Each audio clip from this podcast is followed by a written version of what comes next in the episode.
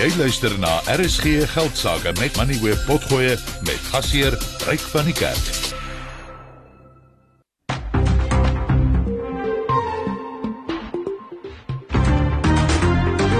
Jy luister na RSG Geldsaake met Ryk van die Kerk, jou betroubare bron vir sake en beleggingsinsigte.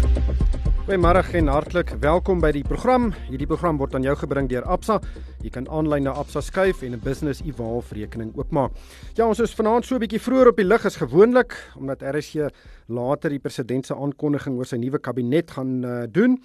En uh, ons sal nou tot so 6uur uitsaai, dan sal ons oorskakel vir die nuus en weervoorspelling en dan sal ons daarna tot so 07:30 voortgaan en ek gaan met Theo Forster van Galileo Capital onder meer gesels oor wat hy van die president en die skommeling verwag. Ons gaan ook kyk na die Suid-Afrikaanse Inkomste Diens se prestasie in sy vorige belastingjaar. Nou die Inkomste Diens het 'n rekordbedrag van 1,56 trilljoen rand ingevorder. Inkomstebelasting het vir 36% daarvan gesorg. BTW se bydrae was 25% en dan maatskappybelasting het 21% van die totaal beloop. Nou 'n paar interessante dinge wat vir my uitstaan, daar was 25 miljoen mense wat vir inkomstebelasting geregistreer was. Net so wat 6,4 miljoen van hulle moes 'n belastingopgawe indien en dit beteken jy moet 'n sekere inkomste verdien en as jy onder 65 is, is daardie kerf net so oor die 91000 rand. En uh, die gemiddelde belasbare inkomste van uh, Suid-Afrikaners wat belasting betaal het was 330000 rand per jaar. En dan is daar 'n paar dinge by die maatskappybelasting wat ook interessant is. Daar is 3.5 miljoen maatskappye vir inkomste belasting by die uh, Gaarder geregistreer en net 21% van hulle het belasting betaal. Die res het of gelyk gebreek of verliese gely. Dis basies 80% van die maatskappye in die land. Ek dink dit is 'n uh, skrikwekkende syfer en ek gaan met Tasha Jacobs gesels. Sy is 'n ekonoom by Investec se tesorie. Ek gaan ook gesels met Dropfield van RCL Foods oor hulle jongste winssyfers. Nou RCL Foods is een van die grootste voedselvervaardigers in die land en dit besit 'n wye verskeidenheid bekende handelsname soos 5 Star, Mieliemeel, Ouma Beskuit, Paimans, Pastye, Rainbow Chicken, Salati Suiker, Jan Jam grondboontjie botter en hulle sê daar's groot probleme met uh, insetkoste en dat die pryse van kos moet styg en ek gaan met uh, met Drop daaroor gesels. En dan net na die uh 6 uur nuus en weervoorspelling gaan ek gesels met professor Guy Gonnet.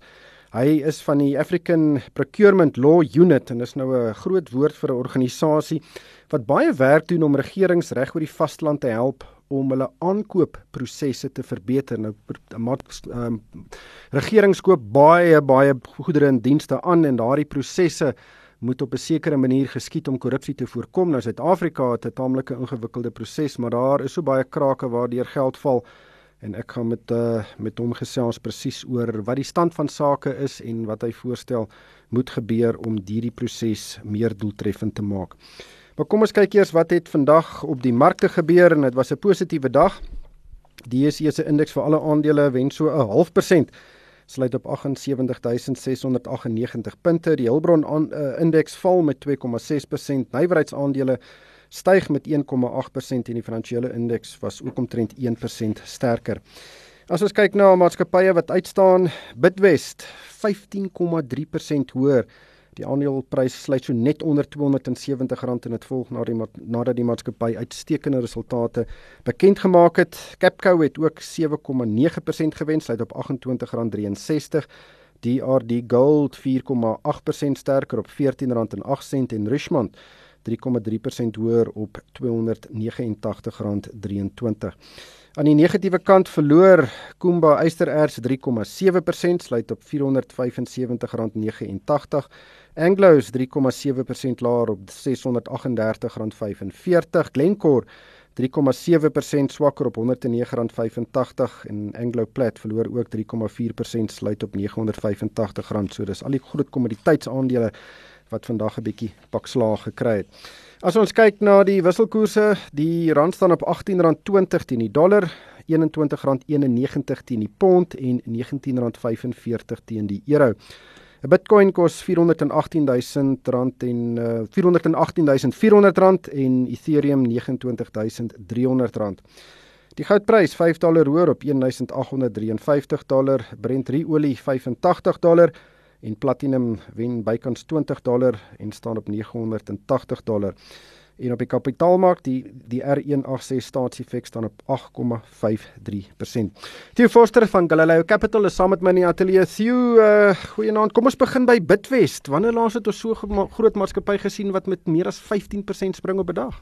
Ryk, dis goeienaand. Dis ongelooflik. Mense verwag nie dat so groot maatskappy wat um ses maandelikse resultate aankondig so fenomenaal skerp styg nie. Dis nadat die maatskappy die mark gewaarsku het dat hulle gaan baie goed doen. Nou wat hier as jy beginne kyk hierdie ding wat hier gebeur het en ek dink hier's 'n baie belangrike les agter hierdie. En ek dink daai les is dat die maatskappy se waardasie as 'n maatskappy die mark verras met positiewe um resultate wat hier gebeur het dan het jy in 'n rasionele mark het jy 'n beduidende aanpassing in die waardasie en dis presies wat hier gebeur het. So die goeie nuus is voor hierdie het die mark verwag dat as jy die konsensus groei vat vir die volledige jaar dan het hy Bitwest op 'n waardasie vlak van kom ons sê verdienste tot prys van 12 en 'n half keer verhandel. Dit beteken jou verdienste per aandeel maal 12 en 'n half gee vir jou die aandeleprys. Nou dit was 'n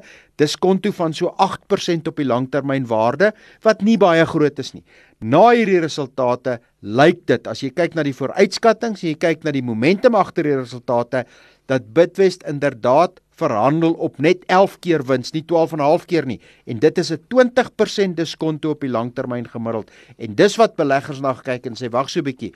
As ek Bitwest se waardasie vlakke vat die afgelope 5 jaar en ek projekteer wat ek uit hierdie resultate sien vorentoe, is Bitwest 20% onderwaardeer En dis hoekom jy 'n sprong gesien het vandag van 15%. Maar kyk, Bidwest doen sake in seker omtrent elke denkbare bedryf in Suid-Afrika, miskien nie mynbou nie, maar dit is uiters gediversifiseer. Dit strek van skryfbehoeftes deur tot uh meubels, uh groot skoonmaakdienste en dis meer. En die uh wesensverdienste was 15% op, die verkope 14% wat nou nie werklik uitstekende syfers is nie, maar in die konteks van wat in die ekonomie gebeur, is dit regtig goed. Dis goed en dit moet jy terugvat. Eerstens is baie goeie syfers. 6 uit die 7 afdelings het oordentlike dubbelsyfer groei vir jou gewys wat baie positief was. Maar ek dink die faktor hierso is gaan oor die waardasie Bitwest het gewa was gewaardeer op 'n maatskappy wat nie noodwendig groei van 15% vir die jaar sal kan handhaaf nie. Skielik het die mark na hierdie syfers gekyk en sê wag so 'n bietjie, Bitwest gaan 15% groei vir die jaar kan handhaaf hooflynverdienste soos jy noem op met 15 en net meer as 15%, die dividend ook met 15%. En dit beteken hulle sê vir die mark, wag so 'n bietjie, ons is besig, ons het ons het genoeg uh uh vertroue in ons huidige balansstaat, alhoewel die skuld toegeneem het, maar is meer as deel van die siklus, maar ons genoeg vertroue in ons huidige uh, samestelling van die balansstaat dat ons selfs ons dividend ook verhoog met 15% en dis hoekom die mark 'n heraanslag hier geregverdig het. 'n Naam word altyd gemeet aan wat dit doen. Neem ons naam byvoorbeeld, Efficient Wealth, om jou besittings te beskerm en jou finansiële toekoms te verseker. Dis wat ons doen, van lewens- en korttermynversekering tot beleggings en aftreebeplanning. Vind uit wat ons vir jou kan doen by efw.co.za of 0878949988. Efficient Wealth. Dis wat ons doen. Efficient Wealth is 'n gemagtigde finansiële dienste verskaffer. Vir die belangrikste sake nuus, skakel in op RSG Geldsaake. ACL Foods is een van die grootste voedselvervaardigers in die land. Meer as 21000 mense werk vir die maatskappy en dit besit 'n wye verskeidenheid bekende handelsname soos Five Star Mieliemeel, Ouma Beskuit, Paimans Pastye, Rainbow Chicken, Salati Suiker, Yum Yum Grondboontjie Botter uh, en 'n hele rits ander. Daar's ook 'n hele reeks kosprodukte vir troeteldiere in in die groep se arsenaal. Uh, die Rupert beheerde Remgrow Remgrow groep besit so wat 80% van die maatskappy. En uh, RCL het vandag tussentydse winssyfers vir die 6 maande tot einde Desember aangekondig. Die omset was 18% hoër op 20 miljard rand, maar die wesensverdienste het met 22% tot 500 miljoen rand gedaal. Die groep het nie 'n dividend verklaar nie. Rob Field is RCL se finansiële hoof. Hy is op die lyn. Rob, thank you so much for joining me tonight.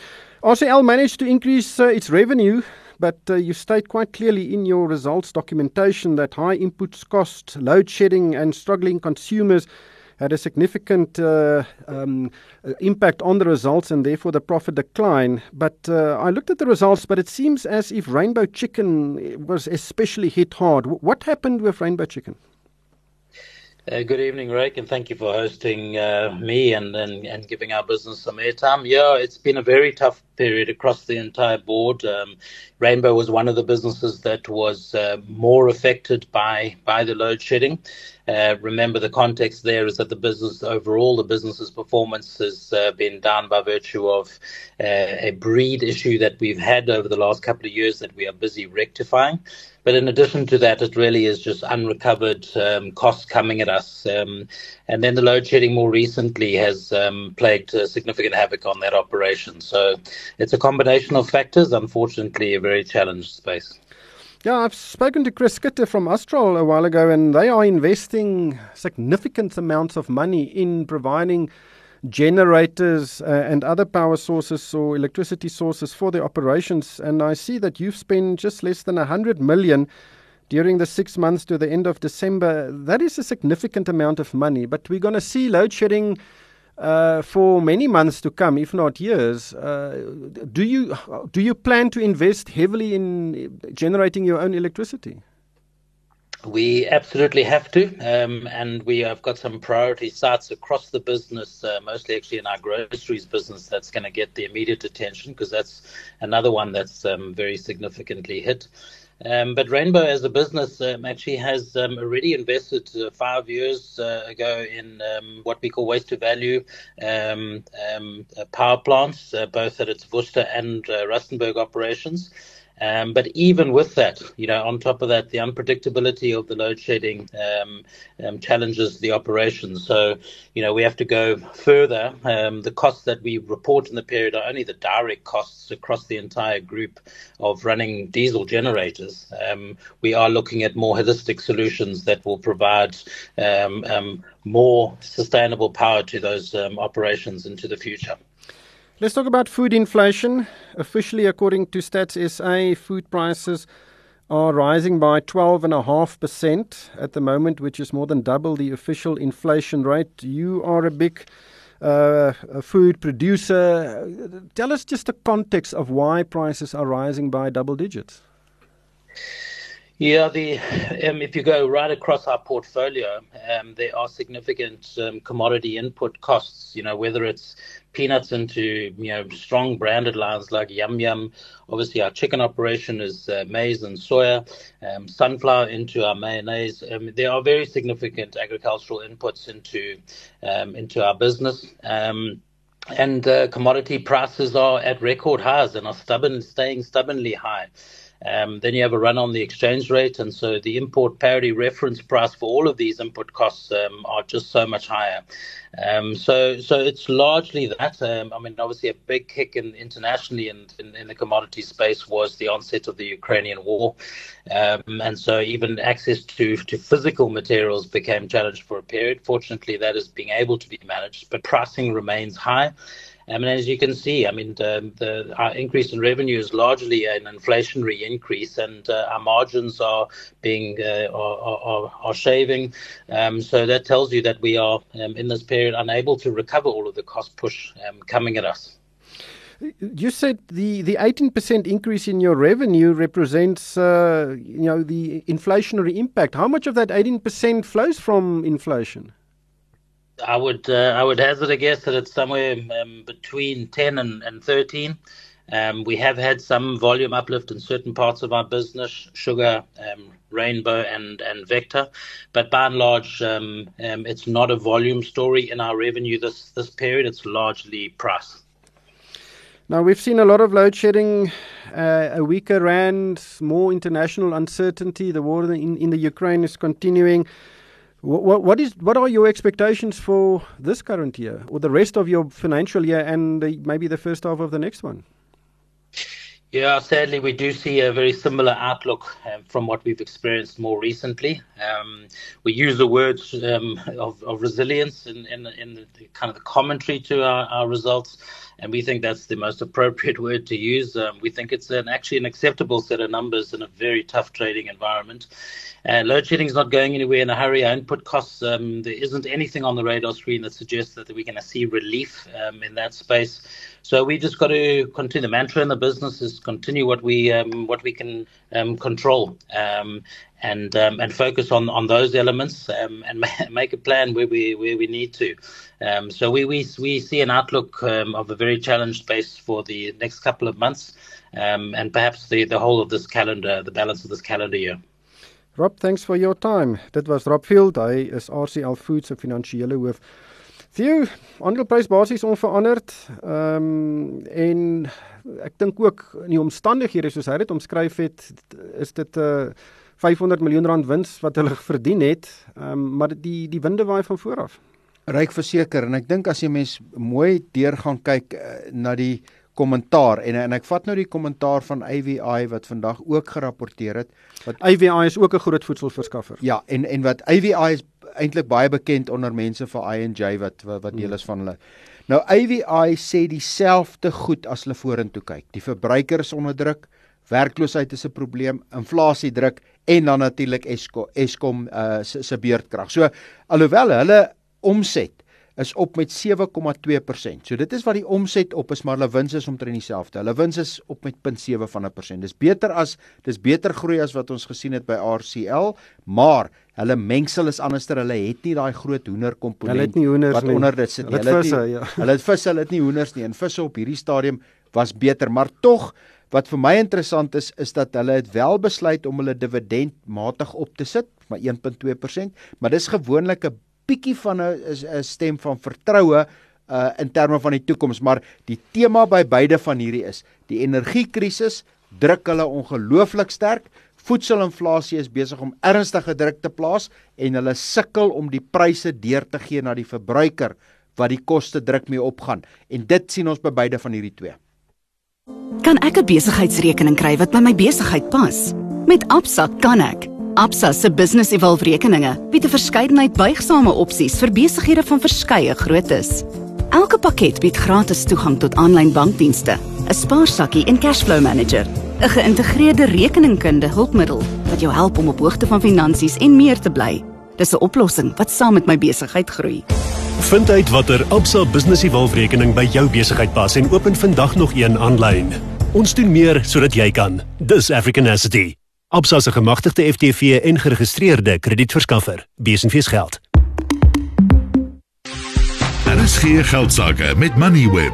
Elke week saam tussen 6 en 7. Die Suid-Afrikaanse Inkomste Diens het vandag sy jaarlikse publikasie oor sy 2022 belastingjaar bekend gemaak. En dis 'n lywige dokument van hier by die 340 bladsye en dit gee 'n omvattende oorsig van waar en van wie dit belasting in hierdie boekjaar ingevorder het.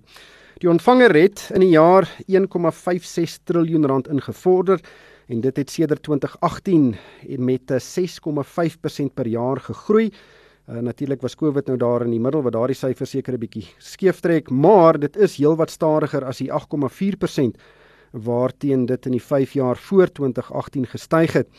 Die inkomstelas inkomstebelasting segment het vir 36% van die uh, invordering gesorg. BTW was op 25% en maatskappybelasting op 21%. Dan 'n paar interessante feite wat ek raak gesien het. Daar was omtrent 25 miljoen mense wat vir inkomstebelasting geregistreer was, so wat 6,4 miljoen van hulle moes opgawes indien en dit is omdat hulle meer as die minimum kerwe verdien het. Nou as jy jonger as 65 is, moet jy jou opgawe indien as jy meer as 91250 rand per jaar verdien. En as jy ouer as 65 is, dan is die kerf 141000 rand en uh die gemiddelde belasbare inkomste vir die jaar was 330 000 rand en uh, 40% van die belastingbetalers woon in Gauteng. En dan 'n paar interessante syfers by maatskappybelasting. Daar was 3.5 miljoen maatskappye vir inkomstebelasting by die uh geregistreer. Net 21 net 21% van hulle moes belasting betaal. 53% het gelyk gebreek en 25% het verliese gely en ek dink dit is eintlik 'n ontstellende syfer.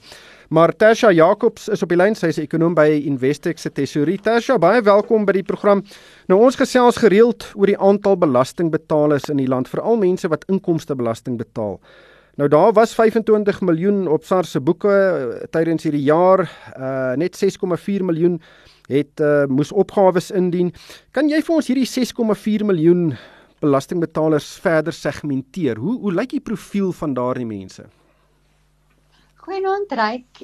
Ja, so, nommer 1 net gou-gou hoekom die um aantal belastingbetalers so baie is en jy weet so relatief min betaal is dat baie werknemers vereis van hulle werke om 'n belastingsertifikaat of 'n belastingnommer te kry. so al betaal die persoon nie belasting nie, dan het hulle in elk geval 'n belastingnommer. So as ons kyk na die die kleiner nommer wat jy nou verwys het, um, net in terme van inkomste groepe. Ehm um, as mens kyk na, jy weet die salarisinkomste van omtrent 555 000 Wag, kom ons gaan gou-gou. Ek kyk na die syfers hierso. So as mens kyk na byvoorbeeld die die 1.5 miljoen kerf en meer, is die bydrae van hulle omtrent 23%, reg? Um en tussen uh 700 000 en 1.5 is dit omtrent 26 000. So met ander woorde van 700 000 op hoër um verteenwoordig amper 50% van die totale um belastingbetaler van individue. En dan is die volgende groep Hoeveel individue is in daardie segment? So die individue in die 1.5 miljoen plus, daar's ongeveer um, net so bietjie meer as 107 000. Um dit is bietjie op van die vorige jaar toe dit onder 100 000 was. Um en ek dink dit kan dalk ook toegeskryf word, jy weet dit was Covid jaar gewees. Um en dan die die volgende groep van 700 000 tot um 500 000 het so net onder 500 000 mense. En dan is die grootste aantal um, tussen jou 410 en 555000 waar daar um, waar daar 630 mense is en hulle verteenwoordig so 12% en dan die groepie voor hulle, ehm um, dit is nou tussen net so net bietjie minder as 300 000 tot 410 000 is meer as 'n miljoen mense en hulle verteenwoordig ook omtrent 12%. So jy kan sien dat die hoër inkomste groepe ehm um, betaal, jy weet, is die grootste bydraers tot die tot die ehm um, individuele belastingbetaling. Ja, soos jy nou gesê het, 107 000 bo 1.5 miljoen en as jy nou uh, dan is daar uh, dis 107000 en dan 'n half miljoen tussen 700000 en 1.5 miljoen. So dit is basies net so oor die 600000 mense betaal die helfte van die inkomstebelasting in Suid-Afrika. Dit is een van ons kernprobleme. Dit is absoluut korrek, ja. Ja, ja. So dit kom maar terug, jy weet, na die na die groot ehm um, dinamika van jou hoë vlak van ehm um, werkloosheid. Dit is maar altyd die die sentraal tot baie van die probleme. Dan maatskappye net 21% van die 3.5 miljoen wat by uh, die inkomste diens geregistreer het, het wel maatskappybelasting betaal. Die ander 80% breek of gelyk of bly verliese, belastingverliese, 'n sekere meer akkurate term. Uh, hoe hoe vergelyk hierdie 21% met vorige jare? Is dit 'n uitskieterjaar of is dit is die die vlak maar altyd daar rond? Ehm um, ryk, ek dink ehm um, Eh, weet 'n groot bydraende faktor was was COVID gewees, reg? Ehm um, jy sal sien die die belasting in daardie jaar het geduik met um, omtrent 120 miljard relatief tot die um, begroting. En nou in hierdie fiskale jaar wat, wat jy na kyk, was daar 'n groot um weet herstel gewees wat die begroting omtrent met 200 um um, biljoen rand oorskry was en natuurlik 'n groot gedeelte daarvan was kommoditeitspryse. Ek moet sê wat ek ongelukkig net nie 100% seker oor is, is hoe die um registreer registrasie van kleiner maatskappye ook werk of hulle ook dalk um jy weet um belastingsertifikate moet hê. So ek gaan daai ene ongelukkig nie vir 100% kan antwoord nie. Dan 'n interessante statistiek wat ook uitgekom het uit hierdie dokument is dat die invorderingskoste van die inkomste diens is 0,72% en dit beteken dit kos basies ehm um, 72 sent om 'n 100 rand se belasting in te vorder eh, en dis uit die op sy laagste vlak in 5 jaar. Hoe hoe vergelyk dit met ander lande se of hoe anders gestel, hoe doeltreffend word belasting in Suid-Afrika ingesamel of ingevorder? So die internasionale norm is omtrent 1, reg? So Suid-Afrika is dan na die Mojani jare, soos wat jy aangewys het, die dit het al hoe goed relatief goedkoper geword. Ehm um, kan toegeskryf word, ek dink nommer 1 is, jy weet die doeltreffendheid van SARS in um, in 'n in, belastinginsameling is het gestyg en dan 'n groot um, poging was ook van hulle gewees om um meer mense te kry wat hulle belastingverpligtinge nakom. So dis 'n kombinasie van daai twee. So jy weet ons ons probleem in Suid-Afrika is, jy weet is dat die die taxbasis sal nie noodwendig groei nie vanweer hierdie groot indiensnemingsprobleem, maar aan die ander kant, jy weet met SARS wat nou probeer om die um nakoming te te verbeter, het is 'n baie groot um positiewe um bydrae. Tersha, baie dankie vir jou tyd vanaand. Dit was Tersha Jakob, sy is ekonom by Investec se tesorie. Theo, 600 en 'n paar duisend mense betaal die helfte van die inkomstebelasting. Ryk, ek, dit is tragies. Dit is eenvoudig gaan dit oor ons belastingbasis wat nie groot genoeg is nie. Werkloosheid, soos Tersia sê, is 'n beduidende rede agter verarming en agter die verskil in inkomste. Maar ek dink dit sal dit sal almal briljant gewees het as ons ander staatsdepartemente so aktief so effektief was so SARS. SARS is is is wêreldklas in terme van sy koste van invordering. Dink net waar ons sou getrek het as die regering net so effektief was as hulle geld moes uitgee as wat hulle is om geld in te vorder.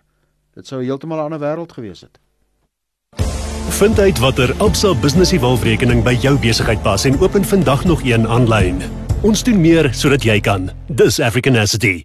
Absa se gemagtigde FTV en geregistreerde kredietverskaffer. Besenfees geld. Daar is geen geldsaake met Moneyweb. Jou betroubare bron vir sakke en beleggingsinsigte. Suid-Afrika is besig om erge elektrisiteitsprobleme te ervaar en dis besig om baie groot skade op ekonomiese en sosiale vlakke aan te rig. Nou die toekoms vir elektrisiteitsopwekking lê in die private sektor en daar's reeds honderde groot private projekte aan die gang wat reeds of binnekort elektrisiteit aan Eskom of die private sektor sal lewer. Son Suid-Afrika verteenwoordig 'n groot aantal organisasies wat belangrike werk doen om die impak van beerdkrag te kwantifiseer en ook om oplossings te bied wat energiesekerheid in die toekoms kan verseker en dit is veral in die landbousektor. Johan Tomlinson is op die lyn. Hy is van Son SA. Johan, eerstens presies, wat doen julle daar by Son SA? Son SA is in die lewe geroep deur organisasies basies AgriX en dan SAI en TAI Suid-Afrika En ons het die behoefte gesien dat in terme van kragvoorsiening, ons sien dat baie van die rolspelers of entiteite gaan kyk na hulle eie oplossing en ons het besluit, kom ons kry almal bymekaar. Kom ons kry die sakelei van hierdie land bymekaar dat ons saam en kollektief kan kyk na alternatiewe energieoplossings en hoe ons dan kragte kan saam snoer om op 'n einde van die dag 'n daadwerklike verskil te maak aan load shedding wat ook nou ontaard in food sharing. Dit klink vir my asof hierdie bedryf gefragmenteerd is. Is daar uitdagings voor die deur van die sonkragbedryf spesifiek, veral in die verskaffingskant? Ja, ryk daar's definitief uitdagings omdat daar net tans so groot vraag is na solarprodukte en veral panele en batterye en inverters. Ons maatskappy wat invoer kan nie voorbly met voorraad nie. Ek het gister gepraat met 'n groot solarmaatskappy wat lewer vir Suid-Afrika en Suider-Afrika en hulle eerste voorraad kom is Junie maand in. So dit is 'n probleem. Ons sien wel dat plaaslike maatskappye kom na die tafel toe met hulle eie produkte, maar dit gaan nog 'n tyd vat. So dis definitief as Engelsman sê 'n challenge tans en iets wat ons moet aanspreek. Dan julle hou Woensdag 'n konferensie in Pretoria. Wat presies behels dit?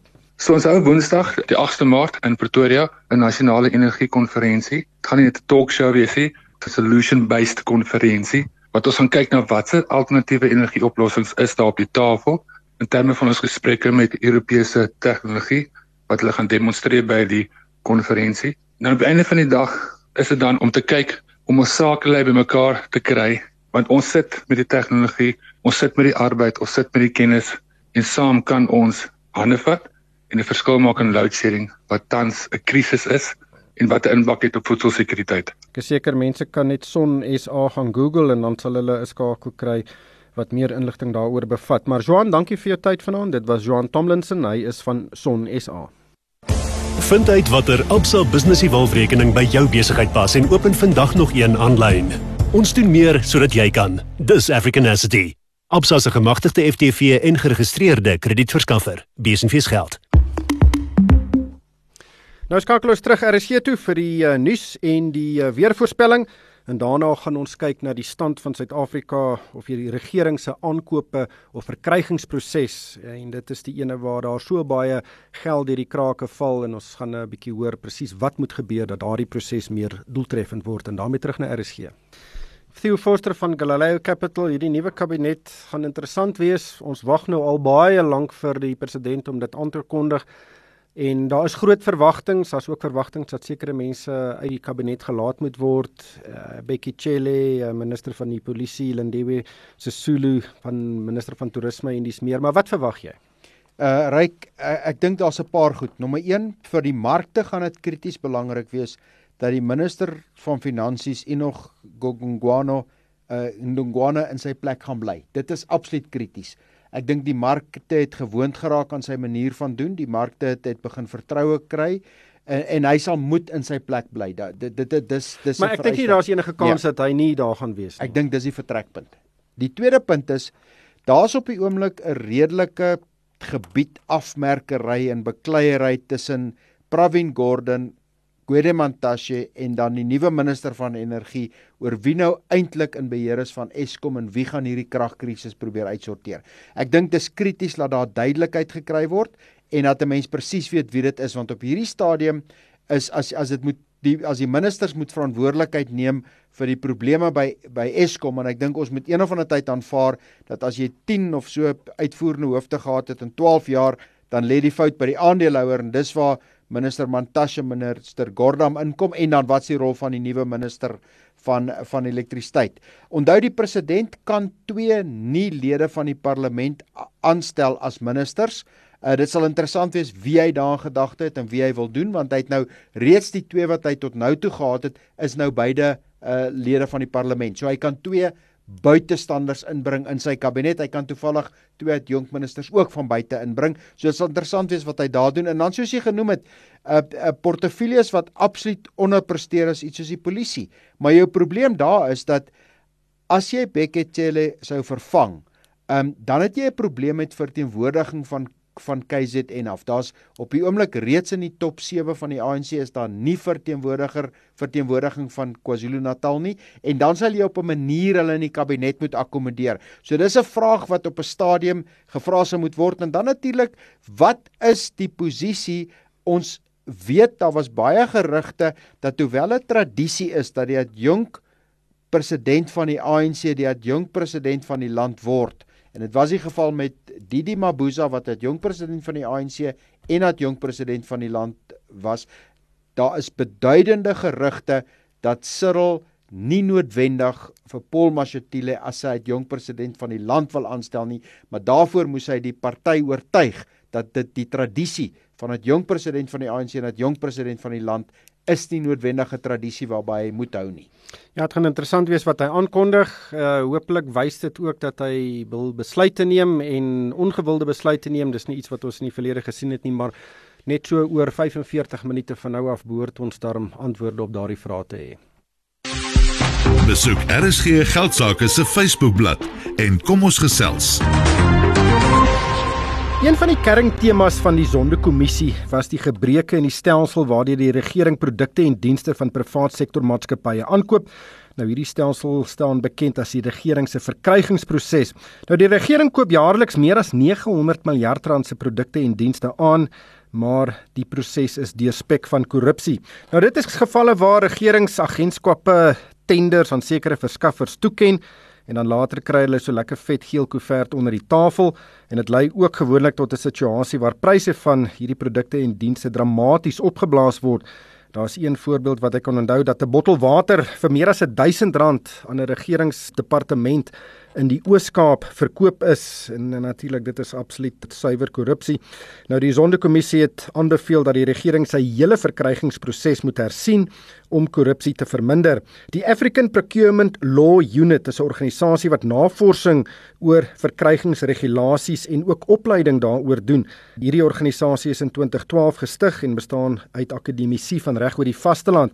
Professor Geo Kinou is nou op die lyn. Hy is die direkteur van hierdie eenheid en hy is ook betrokke by die Universiteit van Stellenbosch regsfakulteit en is die programkoördineerder vir die nagraadse kwalifikasies in publieke verkrygingsreg. Geo, baie welkom by die program. Ek het nie eers geweet daar is 'n studie rigting soos verkrygingsreg nie, maar wat behels die African Procurement Law Kliniek en wat wil julle doen? Ons is so net oor die 10 jaar gelede op die been gebring presies omdat baie min mense weet selfs binne in rasgeleerdheid dat daar so areas so staatsverkrygingsreg is.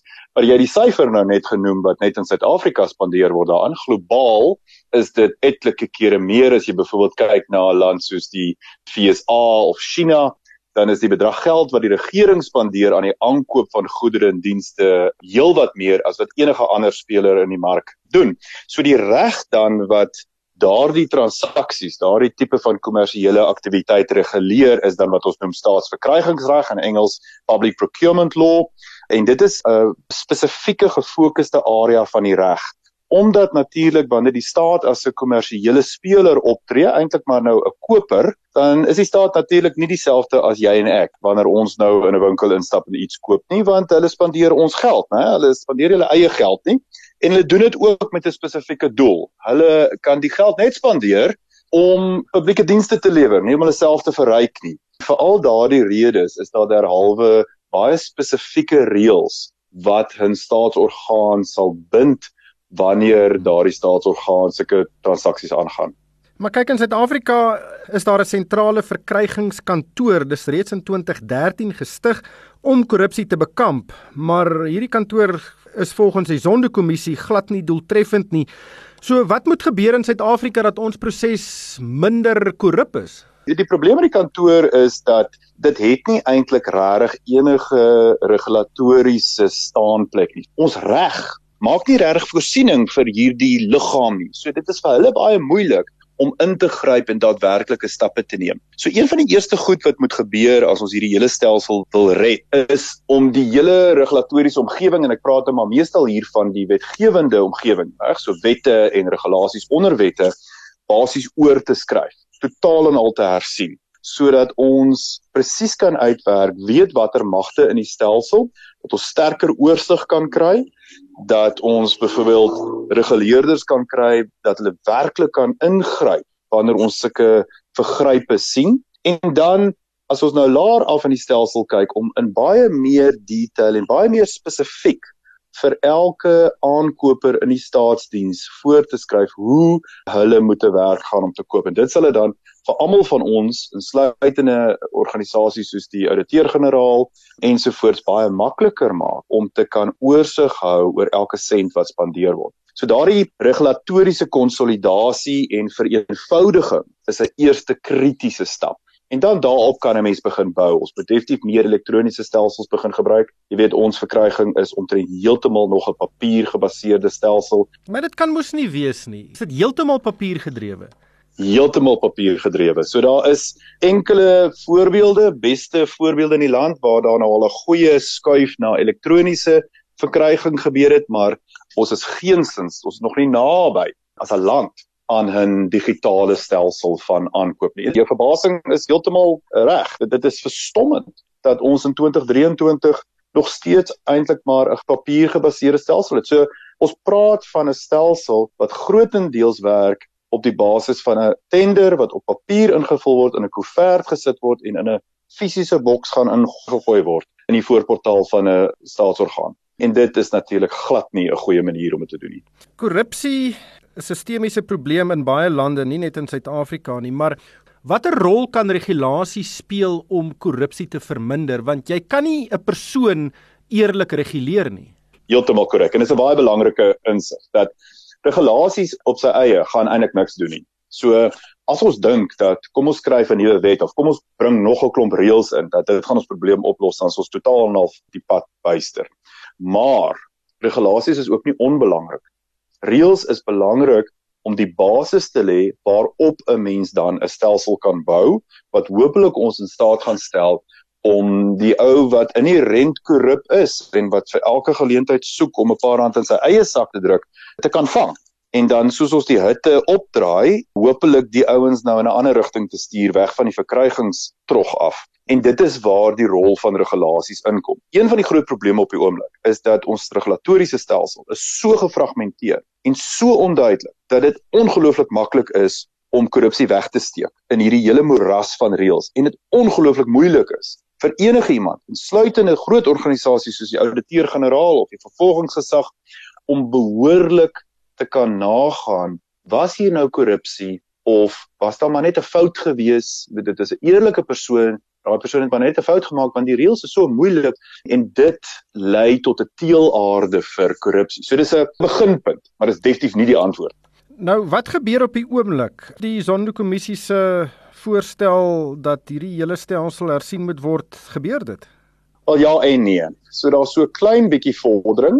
Na omtrent 6 jaar se werk lyk dit my ons is nou op die punt om 'n nuwe wet te kry. Die president het dit vir die jaar verduidelik en ek verstaan dat die wetsontwerp is nou op pad na die kabinet toe en dan hopelik baie binnekort gaan ons dan nou die wetsontwerp voor die parlement kry. Nou Zondo het ook uitdruklik gesê, een van die eerste goed wat moet gebeur is al hierdie gefragmenteerde reëls wat nou oral is, moet nou in een plek saamgevat word kan kry. So ek dink daar is vordering, maar daar's ook groot areas waar ek nie baie beweging sien nie, soos byvoorbeeld Zondo het uitdruklik gesê dat wat ons nodig het is 'n onafhanklike reguleerder van verkryging. En daarmee het hy uitdruklik bedoel dit kan nie 'n kantoor binne in 'n staatsdepartement wees nie. Hulle is te naby aan die vuur. Die voorstelle vir hierdie nuwe verkrygingsstelsel wat die wet nou gaan inbring, behou eintlik maar die huidige institusionele verdeling met ander woorde 'n kantoor binne in die nasionale tesourier. Geo baie dankie vir jou tyd vanaand. Dit was professor Geo Kennou. Hy is die direkteur van die African Procurement Law Unit en ek wonder wie daardie groot kontrak gaan kry om al die rekenaars vir ons aankope of verkrygingsstelsel te koop. Daar is geen geld sake met Moneyweb. Elke week saam tussen 6 en 7. Dink verder as tradisionele banksaake. Dink groter. 'n Bankvernoot wat oplossings vir jou vervaardigingsbesigheid bied. Dink Nedbank kommersiële banksaake. Daar het die afgelope paar weke nogal baie in ons ekonomie verander wat 'n impak op die landbousektor en die landbouwaardeketting kan hê. En dit sluit onder meer in die nasionale begroting wat einde Februarie in die parlement ter tafel gelê is, die inwerkingstelling van 'n nuwe minimumloon en ook die finansiële aksie taakspan wat Suid-Afrika op sy sogenaamde gryslys geplaas het. Daniel Resou is op die lyn. Hy is hoof van verkope by Netbank. Daniel, baie welkom by die program. Kom ons begin by die begroting. Nou daar's baie aankondigings gemaak. Watter was die relevantes tot die landbousektor? paar dinge wat vir my positief is as ons gaan kyk na die vergunnings byvoorbeeld die positiewe ingryping by Eskom en dan ook die 125% belastingaftrekking van belasbare inkomste wat nou na besighede toe uitgebrei is, juis om hernubare energie moontlik te maak. Dis nou vir die installasie van eintlik enige hernubare kragprojek. Ja, veral as jy nou gaan kyk na besighede self dek dit enige hernubare energieprojek ja. Ek dink ook die uitbreiding van dieselrabatte, die res van die waardeketting vir 'n periode van 2 jaar, met hoofsaaklik vir kragopwekkers. Ek dink dit stuur ook 'n positiewe boodskap uit en dan uit 'n bedryfsoogpunt uit. Daar's drie bedrywe wat redelik gesukkel het die laaste 3 jaar, veral nou met COVID en na COVID. In die eerste plek weet is dit die suikerbedryf, die wynbedryf en die tabakbedryf en al drie van hulle het eintlik baie goeie verligting gekry. As ons byvoorbeeld gaan kyk na alkohol en tabak, is net 4,9% op. En ek dink dit stuur ook 'n positiewe boodskap uit. En dan iets wat hy ook genoem het in terme van die Klein Willem Dam. Dit gaan uiteindelik lyk like dit vir my nou groter gemaak word. As jy gaan kyk na die Klein Willem Dam, en die verhoogde invloei wat nou in die Brandvleidam geskep is. Dit gee vir ons amper 10000 addisionele hektare wat onder besproeiing geplaas kan word. En ek dink dis die goeie boodskappe wat ons moet uitdra. Dinge kan gebeur. Dit vat net besonder lank wat definitief uitstaan is daar word baie min geld eintlik gegee vir navorsing en vir biosekuriteit. En ek dink die Landbou Navorsingsraad self kry maar 1,2 miljard En dieregesondheid se begroting dink ek is 312.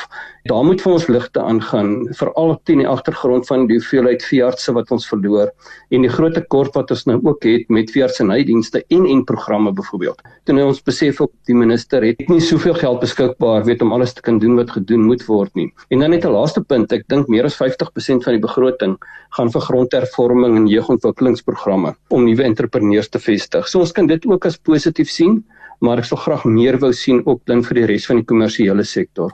Ja, ek dink dit is 'n baie goeie punt oor landbounavorsing. Ons het van die beste boere in die wêreld, maar daar moet navorsing gedoen word om hulle daar te hou. Nog 'n aankondiging en dit is nie so positief vir die landbousektor nie en dit is dat die minimumloon op 1 Maart met bykans 10% gestyg het tot R25.42 per uur. Wat gaan die impak daarvan wees? Ons moet dit saam lees met wat gebeur het in terme van die verhoging van ander insetkoste. Met ander woorde, die verhoging in energiekoste wat ons gesien het, kunsmis en spuitstowwe byvoorbeeld die laaste 2 jaar. Nou daar is bietjie van korreksie wat nou plaasvind, wat dan in 'n mate positief is. Maar die tafeldrywe en appels, ek het nou net twee voorbeelde gaan uithaal. Hulle loonrekening is ongeveer 40% van die totale bedryfskoste. So dit is wesenlik en dit is hoë waarde produkte, maar dit is ook hoogs bederfbare produkte. Daar moet 'n balans wees tussen 'n vergoeding en uitset. En hier praat ek van produktiwiteit. So as ons verhoogde minimumlone sien, verwag ons ook dan hoër produktiwiteit. Nou ons werk met en ek dink aan 'n omgewing wat redelik vinnig verander, ook na mekanisasie toe. En ek dink dit is miskien dan een van die uitvloeisels wat ons gaan sien en wat ons in die laaste paar jaar ook gesien het. Is daai beweeg na meer mekanisasie toe, meer presisie boerdery toe. En dit is ongelukkig negatief vir werkskepping.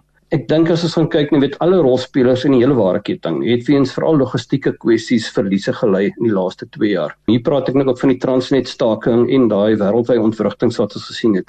En dit dra ongelukkig alles by tot daai koste knyptang wat die mark is al hoe kleiner word en dan beteken dit dat selfs 'n relatief kleiner verhoging in minimumloon het op die ou ende miskien 'n wesenlike impak op die totale winsgewendheid. So ek dink dat hierdie was miskien bokant verwagting geweest en dit is iets waarmee die hele bedryf baie ernstig sal oor moet besin.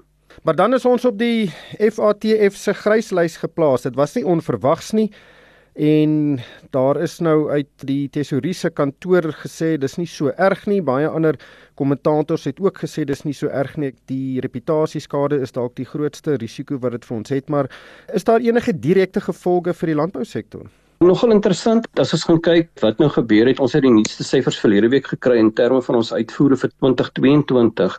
Nou ons is 'n netto uitvoerder en ons is ook 'n netto uitvoerder van hoë waarde produkte. Ek dink ons totale handelsoorskot vir 2022 was iets soos 5,5 miljard Amerikaanse dollar. So dit is wesentlik, maar dit beteken ook dat ons het 'n mark gevestig het sy in Europa of Amerika of in die Verre Ooste byvoorbeeld wat baie jare gevat het om te vestig. En vir my is daai reputasie risiko iets wat ons miskien nog nie heeltemal kan kwantifiseer nie. Ek het nou heelwat gelees ook wat ekonome gesê het hieroor en soveel ekonome wat positief is, is daar ander wat weer negatief is. So ek dink dit is iets wat definitief nog moet deurgetrap word wat die werklike impak gaan wees. Maar ons het dit gesien, daar's 'n negatiewe impak gewees op die rand miskien korttermyn. Ons het dit ook gesien toe ons in Engelse junk status se beleggingsstandaards ingegaan het 'n paar jaar terug en tog is dit in die markte verdiskonteer en ons um, redelik goed daar uitgekom. Maar ja, 'n swak rand is goed vir uitvoerders, maar die slegte nuus is ook dat ons voer die meeste van ons insette in. En dan die internasionale markte waar ons ons besigheid in moet doen, daai reputasie risiko en skade wat ons daarop doen. Ek dink nie dit is al heeltemal gekwantifiseer oor 'n langer termyn nie. Die internasionale monetaire fonds kyk na 89 ontwikkelende lande wat tussen 2000 en 2017 op daai gryslys geplaas was. Oor 'n tydperk van 9 maande het dit tot kapitaalvloei daling of 'n uitvloei van amper 8% van daai lande se bruto binnelandse produk gelei. So dit kan wesenlik wees. En dan natuurlik die vraag is wat ons moet vra die direkte buitelandse beleggings invloed, hoe gaan dit geraak word? En hoe gaan dit ons internasionale handel dan nou beïnvloed? Dankie Daniel, dit was Daniel Resou, hy's hoof van verkope vir landbou by Netbank. Die program is aangebied deur Netbank Kommersiële Bank Sake. Die groeivernoot wat groter dink oor jou vervaardigingsbesigheidsbehoeftes. In 'n wêreld waar jou vervaardigingsbesigheid buitengewoon moet wees, wil jy nie ook 'n bank hê wat groter dink nie? Ons spankundiges verstaan die nuances van die bedryf al te goed en daarom kan ons pasgemaakte oplossings vir jou besigheid bied. Wil jy net nog 'n finansiële vennoot hê of een wat met jou toekomsverwagtinge in die vervaardigingsbedryf kan help? Dink groter, dink Nedbank Kommersiële Banksaake. Vir meer inligting, besoek Nedbank Manufacturing. See money differently. Nedbank. Ons is 'n gelisensieerde FDV en geregistreerde kredietverskaffer. En daarmee het die tyd ons ingehaal. Ek sien net dat die president nou eers 8 uur sy uh, nuwe kabinet gaan aankondig, so ons gaan nog 'n uur langer moet wag. Maar daarmee moet ons groet van my ryk van die kerk en die Moneyweb span. Dankie vir die saamluister en hierdie program is aan jou gebring deur Absa. Jy kan aanlyn na Absa skuif en 'n business e-wallet rekening oopmaak. Jy het geluister na RSG Geldsaake met Moneyweb Potgoe elke weeksdag om 7 na middag. Vir meer Moneyweb Potgoe, besoek moneyweb.co.za of laai die toepassing af en volg Moneyweb News om dagliks op hoogte te bly.